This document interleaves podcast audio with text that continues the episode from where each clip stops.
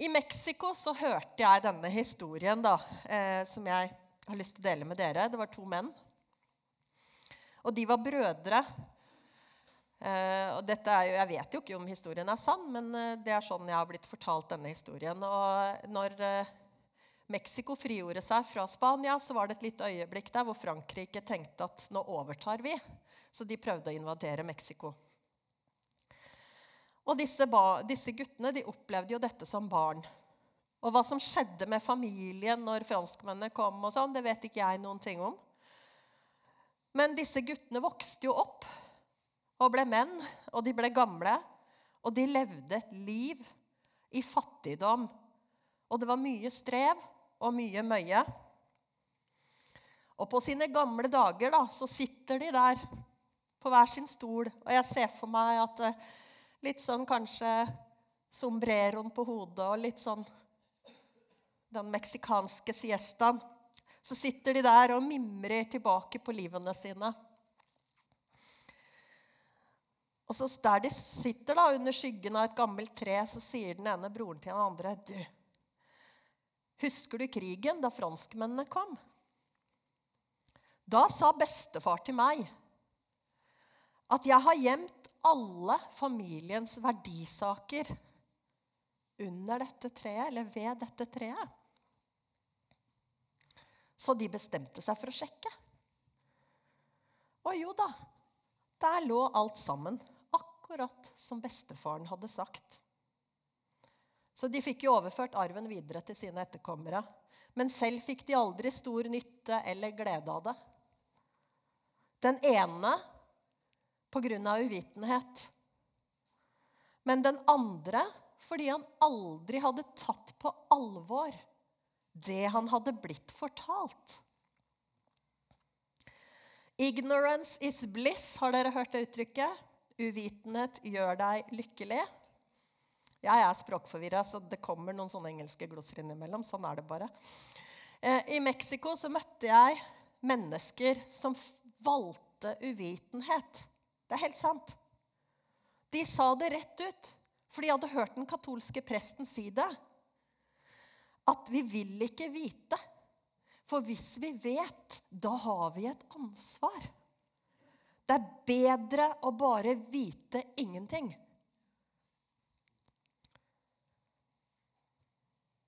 Men hva gjør du om du vet om en eller annen verdifull skatt?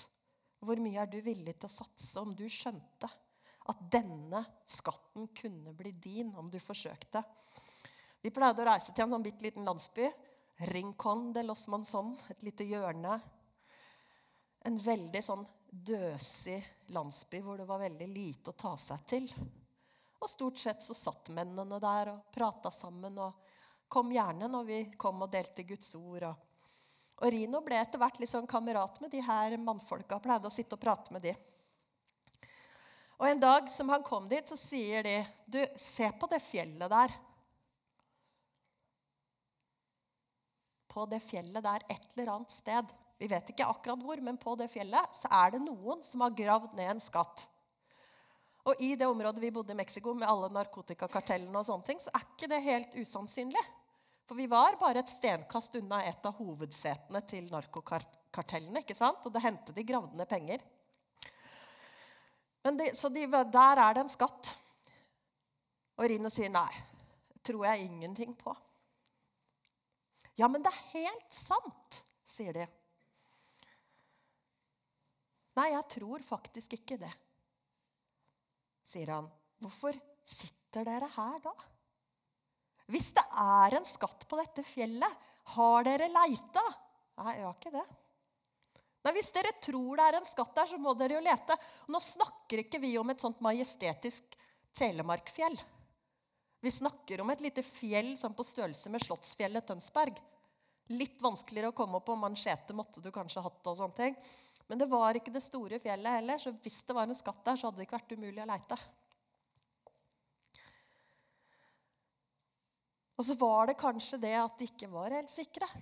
Kanskje de syntes det var bedre å sitte der og tenke at det kanskje var en skatt på det fjellet, enn å gå og finne ut at det bare var tull. skal vi lese Matteus 13, 44. Det skar seg helt for meg. Jeg er jo pastor i 50% nå, begynte i 30 og jeg er eneste ansatt i menigheten. Så powerpointer det har vært sånn veldig nedprioritert ting for meg. Så jeg fikk hjelp til å sette opp det her. så får dere i hvert fall verset. Eh, Matteus 13, 44. Der står det Himlenes rike er likt en skatt som var skjult i en åker. En mann fant den dekket den til igjen, og i sin glede gikk han bort og solgte alt han eide, og kjøpte åkeren. Himmelens rike, det er en skatt. En skatt så verdifull at den som finner det og forstår verdien i det, er villig til å gi avkall på alt annet bare på grunn av denne ene skatten. De går all in. Litt sånn, Jeg ser for meg sånn pokerspill. ikke sant? Så setter du alt på ett tall og bare har den svære bunken med sånne skjetonger. All in! Den skal jeg ha. Men det er en skatt som er gjemt. Den er skjult. Det er ikke sånn at alle nødvendigvis finner den. Ikke alle er villige til å satse på denne skatten. Det kommer vi litt tilbake igjen til. Vi skal gå videre og så lese ifra 2. Korinterne 4. Der står det om denne skatten vi har fått. Vi forkynner ikke oss selv, men Kristus Jesus som Herre og selv derimot som tjenere for dere for Jesu skyld. For Gud ja. For Gud, som sa 'lys skal stråle fram fra mørket', han har også latt lyset skinne i våre hjerter, for at kunnskapen om Guds herlighet i Jesu Kristi ansikt skal lyse fram. Men vi har denne skatten i leirkrukker for at den veldige kraften skal være fra Gud og ikke oss selv. Så vi har fått en skatt. Leirkaret er jo oss. Litt skrøpelig. Men her inne, når Jesus har tatt bolig, så har vi fått del i noe av det rikeste du kan ha del i i dette livet. Rikere enn penger, rikere enn alt annet. Og det er en kraft som kommer fra Han. Det er den skatten vi har fått. Og jeg tenker litt sånn, Når jeg leser det her og det med det skjulte, og sånn, så er det litt lett at vi blir så selvopptatt og fokusert på ytre ting. At vi mister taket på det her underfulle, fantastiske som Jesus har gjort for oss. Evangeliet er hemmelighetsfullt. Det er veldig lett at vi overser det. Det er lett å avvise det og avfeie det, og mange misforstår fullstendig hva det handler om. Og Palmesøndag er jo en påminnelse om det. En hel haug med mennesker som feirer Jesus' inntog i Jerusalem, og noen dager etterpå så står de og roper 'korsfest han'. For det er noe de ikke har skjønt. Men for oss som tror, så er det en Guds kraft og det er vår kilde til liv. Og det er vårt håp for fremtiden. Og der vår skatt er, der vil også vårt hjerte være, ikke sant? Hvor er gresset vannet? grønnest? Har du tenkt på det? Det er jo selvfølgelig grønnest der du vanner det. Og jeg har bodd i semiørken, så jeg vet alt om vanning. Det er så tørt når det ikke er noe vann. Og vi kan satse på så mye som er bra i livet. Men jeg tror at hvis vi, hvis vi misser ut, og vi ikke håper å si, vanner det gresset, som er det beste, si, vi, så mister vi det. Og vi får ikke tak i det. Og Paulus han formaner oss til å ta vare på skatten som er betrodd oss ved Den hellige ånd.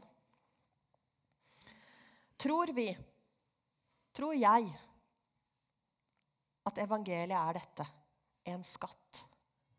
Og hvor mye er jeg villig til å investere i det? For det har hatt en pris. Jeg står ikke her og sier at eh, livet har vært en dans på roser for Rose. Kanskje er det noen av de årene i Mexico som er utgangspunktet til at jeg har en syk mann i dag. Det er mange ting som spiller inn her. Men det har kosta, ikke sant? Men hvor dyrebart er egentlig evangeliet for oss? Hvor verdifullt er det? Gir vi av det vi har til overs, eller er vi villige til å satse? Skal vi sitte der som den ene broren som aldri kom på å sjekke om det lå noe begravd der? Eller som mennene i landsbyen som aldri gadd å lete, enda de påsto at skatten lå der? Vil vi velge uvitenhet når vi har gitt muligheten til å kjenne? Kan vi lese den siste teksten? Og Det er en nydelig historie, og jeg syns den passer så godt inn. Johannes 4, 7-14. Da kommer en samaritansk kvinne for å hente vann. Jesus sier til henne, 'La meg få drikke'. Disiplene hans var nå gått inn i byen for å kjøpe mat. Hun sier, 'Hvordan kan du som er jøde, be meg, en samaritansk kvinne, om å få drikke?' For jødene omgås ikke samaritanerne. Jesus svarte, 'Om du hadde kjent Guds gave' og visst hvem det er som ber deg om å drikke, da hadde du bedt han, og han hadde gitt deg levende vann. Herre, sa kvinnen, du har ikke noe å dra opp vann med, og brønnen er dyp. Hvor får du da det levende vannet fra? Du er vel ikke større enn vår stamfar Jakob. Han ga oss brønnen, og både han selv, sønnen hans og buskapen drakk av den.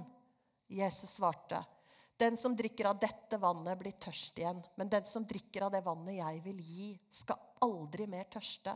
For det vannet jeg vil gi, blir i ham en kilde med vann som veller fram til evig liv. En fantastisk tekst. Og disse to brødrene tilbake til de, jeg blir ikke ferdig med de. Broren som aldri visste. Han kunne ikke vite. Fordi den andre hadde aldri sagt det. Men denne kvinnen her som vi leser om, hun får et sånt møte med Jesus som bare forandrer på alt. Hun får tak i noe som er så stort at hun springer Fortsettelsen er jo at hun springer tilbake til landsbyen. Og så bryr hun seg ikke om alt det andre. Hun tenker ikke engang. Fordi det var for verdifullt å la være å gå og fortelle det til noen egen skam måtte vike for behovet for å dele det hun hadde opplevd med andre. Så stort var det her møtet med Jesus. Og disse kvinnene som jeg møtte, som frivillig ville velge uvitenhet fordi de hadde et ansvar, de har jo litt rett.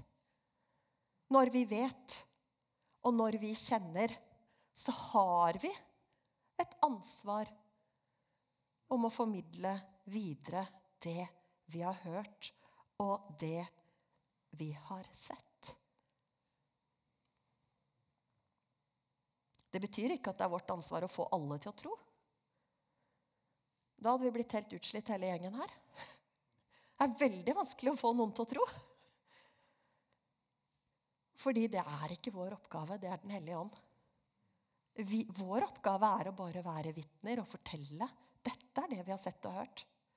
Så må folk ta det valget selv. Og jeg har jo kjent litt på innimellom litt sånn motløshet i forhold til det å skulle forkynne Guds ord. Det var en periode jeg tenkte hva er vitsen? Det er jo ingen som hører på allikevel. Jeg tror alle som preker litt, har tenkt den tanken noen ganger. Det er liksom ingen som tar det til hjertet. Og det var jo bare min opplevelse av det. Jeg vet jo ikke hva som foregår i alle menneskers tanker og sinn når de hører meg preke. Men eh, så husker jeg tenkte hvorfor i alle dager skal jeg forkynne? Og så tror jeg jeg leste noe om Paulus som skrev noe om at han trodde. Derfor forkynte han. Og det ble litt sånn løsningsord for meg òg. Jeg tror, og det formidler jeg. Og så lenge jeg tror, så vil jeg forkynne. Og så lenge jeg forkynner og vitner, så kommer jeg til å tro. For det blir litt sånn en sånn runddans, det, vet du. Så det å stå her foran dere i dag, det er en investering i min egen tro. Og kanskje så har jeg det håpet at jeg får lov å formidle tro til andre også. Og denne dame, særlig den ene damen som var så påståelig på dette med uvitenhet, hun kom til tro. Hun kom ikke med en gang. Det tok litt tid. Men hun ble en av de mest trofaste kvinnene ute i den landsbyen vi jobba i.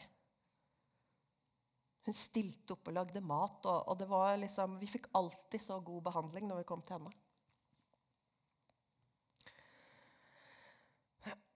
Og jeg tenker vi, vi trenger virkelig å bli mer frimodige når det gjelder å dele troa vår. Ja, det er mange der ute som ikke tror noen ting. Det er mange som blir fornærma når de hører at vi tror. Eller fornærma på noe av det vi tror. Men vi kan ikke stoppe å formidle det. Og jeg har jo en pappa som eh, altså Hvis dere har vært liksom oppe Jeg kommer fra Lillehammer, det glemte jeg å si innledningsvis. Eh, så hvis dere har vært liksom rundt Mjøsområdet og vært på et eller annet kjøpesenter, og sånn, så kan det godt hende dere har møtt en mann som er litt sånn innpåsliten rett opp i fjeset på deg. Snakker med deg og vil gi deg en Jesusbok. Eh, han er mannen med Jesusboka. Han har fått det ryktet, for han har delt ut minst fem Jesusbøker i uka i 13-14 år eller noe sånt. Selv under pandemien har han greid det, og han bare deler ut til de han har snakka med. Eh, fordi han har liksom Det der å dele tro er så viktig. Og jeg kjenner sjøl at jeg blir veldig utfordra på det. Fordi jeg går liksom i min hverdag, og, og, av og til jeg går på matbutikken, og så har jeg skylappene på. Kjenner dere igjen den? Liksom? Jeg bare fyker inn, skal bare handle noe, løpe ut igjen. Og så har man blitt enda mer sånn. Fordi man er litt vant med i Norge at vi sier ikke hei engang.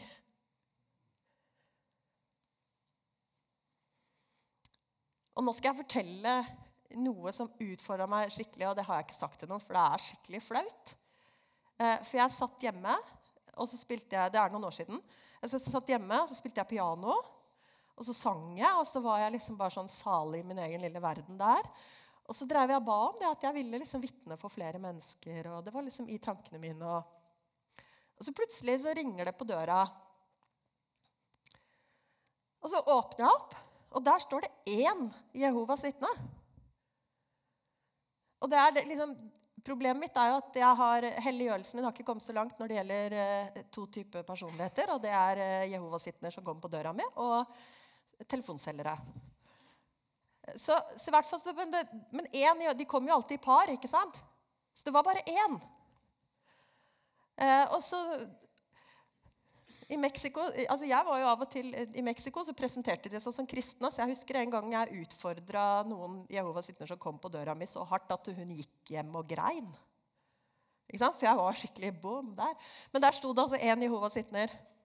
Og så sier han, 'Ja, har du lyst på et sånt blad?' Så han var så puslete, liksom. Så sier jeg, 'Nei, du, jeg trenger ikke det. Jeg kjenner Jesus.' Der var jeg. Å nei, nei, da trenger du kanskje ikke det, da. Og så sier jeg nei, jeg gjør nok ikke det, du. Gud velsigne deg. Og så smiler jeg og går videre, og så føler jeg liksom at jeg har gjort noe skikkelig bra. fordi jeg klarte å smile til han. Går inn igjen, setter meg ved pianoet, og jeg ljuger ikke nå. Fordi dette er helt sant. Jeg satte meg ned ved pianoet og fortsatte på den sangen der jeg var. He brings people to your door, and you turn them away as you smile and say, God bless you, be at peace, and all heaven just weeps. Det er helt sant! Er det noen som ikke kan engelsk her, da? Han bringer folk til døra di. Du avviser dem mens du smiler og sier 'Gud velsigne deg', og hele himmelen gråter. For jeg var liksom Jeg var veldig klar for å dele troa mi, men ikke akkurat da. Og ikke akkurat til en Jehovas vitne på døra mi. Men jeg har fått en skatt. Jeg har fått tak i det mest verdifulle som fins på denne planeten her. Og så er jeg ikke villig til å dele det når jeg får muligheten.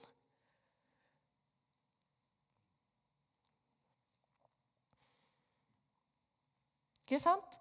Den uvitende broren som ikke kjente noen skatt. Han kunne aldri vite om det.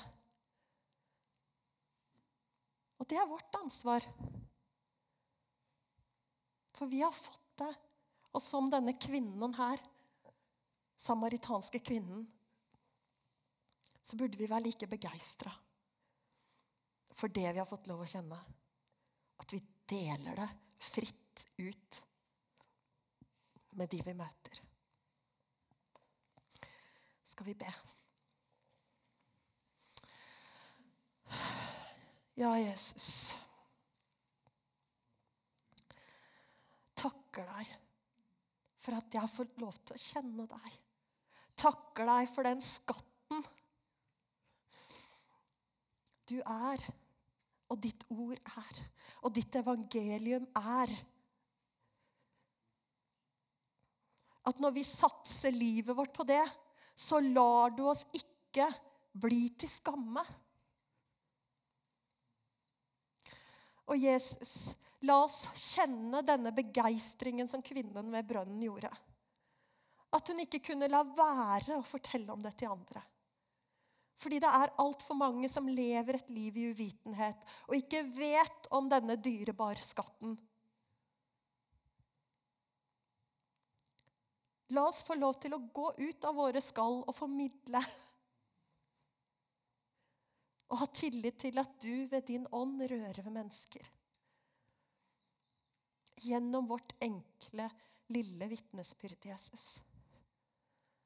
Takker deg for at du ser forsamlingen her, og du ser mitt eget liv. Du ser alle de plassene hvor vi føler vi kommer til kort. Hjelp oss. Ha nåde med oss i de situasjonene. Jesus. Jesu navn. Amen.